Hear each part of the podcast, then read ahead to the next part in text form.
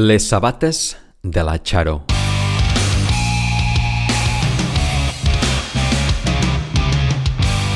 La Lili té un local nocturn a l'antiga esquerra de l'Eixample de Barcelona. Fa poca estona que ha alçat la persiana i tret d'ella i de les dues noies que hi treballen, no hi ha ningú més.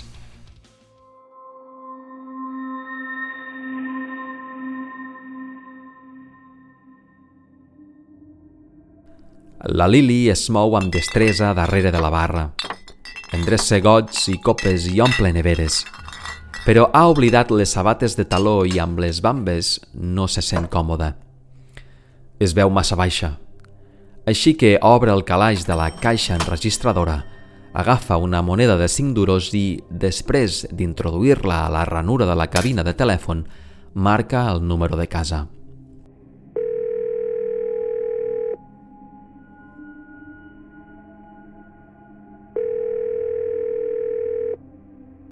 La Charo, la seva companya de pis, respon a l'altra banda. La Lili li demana si li pot portar les sabates de taló, les que són al quarto de la rentadora. Quan la Charo arriba al local, encara és aviat. Sobre la barra deixa una bossa amb un parell de sabates a dins, però com que les de la Lili no les ha trobades, n'hi ha dut un parell de seves, que calça dos números menys. Tot i així, la Charo li diu que no es preocupi, que aquesta marca de sabates talla gran, que s'hi acostumarà i que ara ha de marxar, que té pressa. Es fan dos petons i se'n va.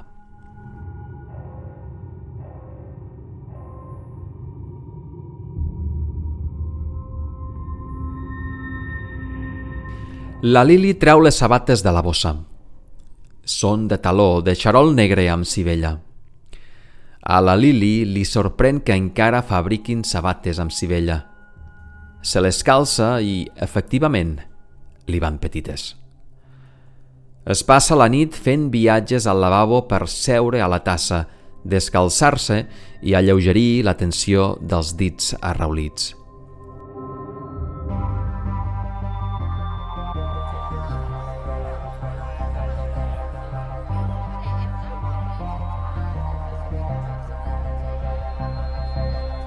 Durant un d'aquests viatges entren dues clientes i s'asseuen al sofà del fons, el que està arrambat a la paret, de la qual penja un quadre que no té cap valor. El quadre és el retrat d'un cep que, abans de ser emmarcat, era un calendari gentilesa del Pep Pons, el distribuïdor del Priorat.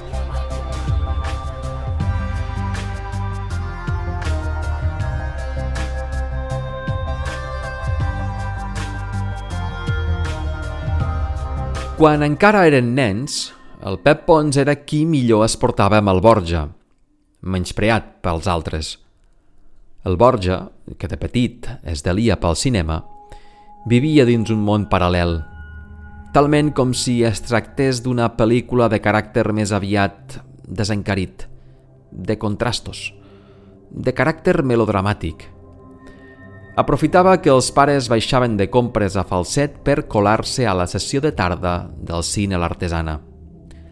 La taquillera, pensant més en la caixa que en la conveniència del nen, li despatxava una entrada del talonari quan el veia de puntetes, allargant el braç, amb l'import just en monedes sobre el palmell. Una d'aquelles tardes, a la pantalla, un cotxe americà de la marca Dodge aparcava davant el jardí d'una casa de fusta lacada de blanc. Des d'una de les habitacions, el protagonista observava com el que acabaria sent la víctima sortia del vehicle. Es posava el barret, doblegava la gabardina sobre el braç i es dirigia al porxo. Quan va ser dins la casa, el protagonista va encendre un ventilador el ventilador girava a gran velocitat. El protagonista llavors va esgarrar uns coixins que tenia a l'abast i els va llançar contra l'electrodomèstic, cosa que va provocar un núvol de plomers. Alhora sonaven uns violins estridents i, tot seguit, un canvi sobtat de pla.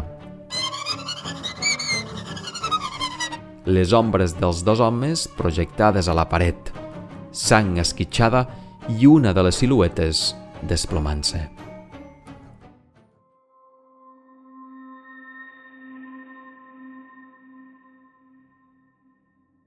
Mentre tot això passava, l'acomodador va encarar la llanterna cap al rostre del Borja i li va fer saber que els pares l'esperaven a fora.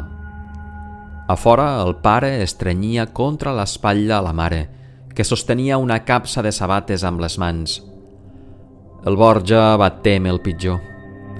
Va destapar la capsa i va descobrir un nou parell de sabates de xarol negre amb cibella. Uns dies més tard, el Borja va quedar amb el Pep Pons i els altres. Duia les sabates noves de xarol negre amb cibella. Un d'ells, el que manava més, quan va veure arribar el Borja va ordenar al Pep Pons que li tragués les sabates i les llancés pel barranc. El Pep es va ajupir davant del Borja i va mirar de treure-li una sabata, però el Borja va fer un pas enrere. El Pep s'hi va tornar a acostar. Llavors va ser quan el Borja es va esmunyir i va córrer carrer avall. Els altres van córrer darrere seu. El Borja no podia anar més de pressa. El Pep era el darrer. Esgotat, el Borja va girar el cap i en veure'ls tan a prop es va deixar empaitar. se li van tirar a sobre. Van rodolar pel terra. El Borja li sagnava un genoll. La sang li xopava la vora del mitjó blanc que duia fins a mitja cama. El Pep es va tornar a tensar el Borja. Li va agafar un peu i li va treure la sabata sense desfer-li la cibella. Després va fer el mateix amb l'altre peu i va llançar les dues sabates al barranc. Des d'aquell episodi, el Pep i el Borja van deixar de veure's.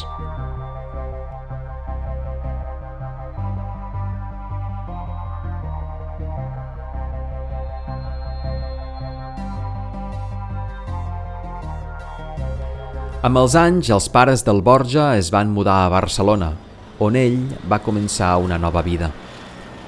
Va treballar als cinemes Florida Blanca arreplegant crispetes i xiclets enganxats als seients per pagar-se els estudis. El Pep, en canvi, va dedicar-se al negoci familiar. Una botiga de queviures on també s'hi despatxava vi i vermut de la bota. La botiga anava fent, sense gaires expectatives, però el Pep li va donar la volta i la va fer rotllar.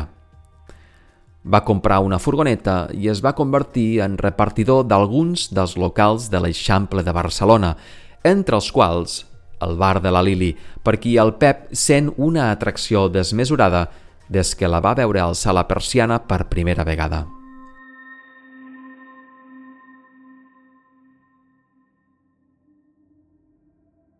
La Lili agraeix que es faci l'hora de tancar. Té els peus desfets. Acomiada les clientes del sofà i després d'observar com creuen el pas de vianants, passa la reixa fins un pam del terra.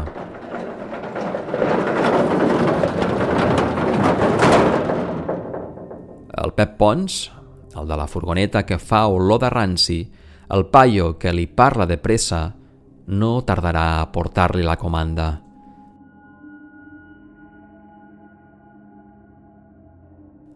La Lili es deixa caure al sofà mal girbada i té temps de tancar els ulls uns minuts, fins que el soroll de la persiana metàl·lica la desperta. És el Pep Pons. La Lili va fins la persiana i l'alça.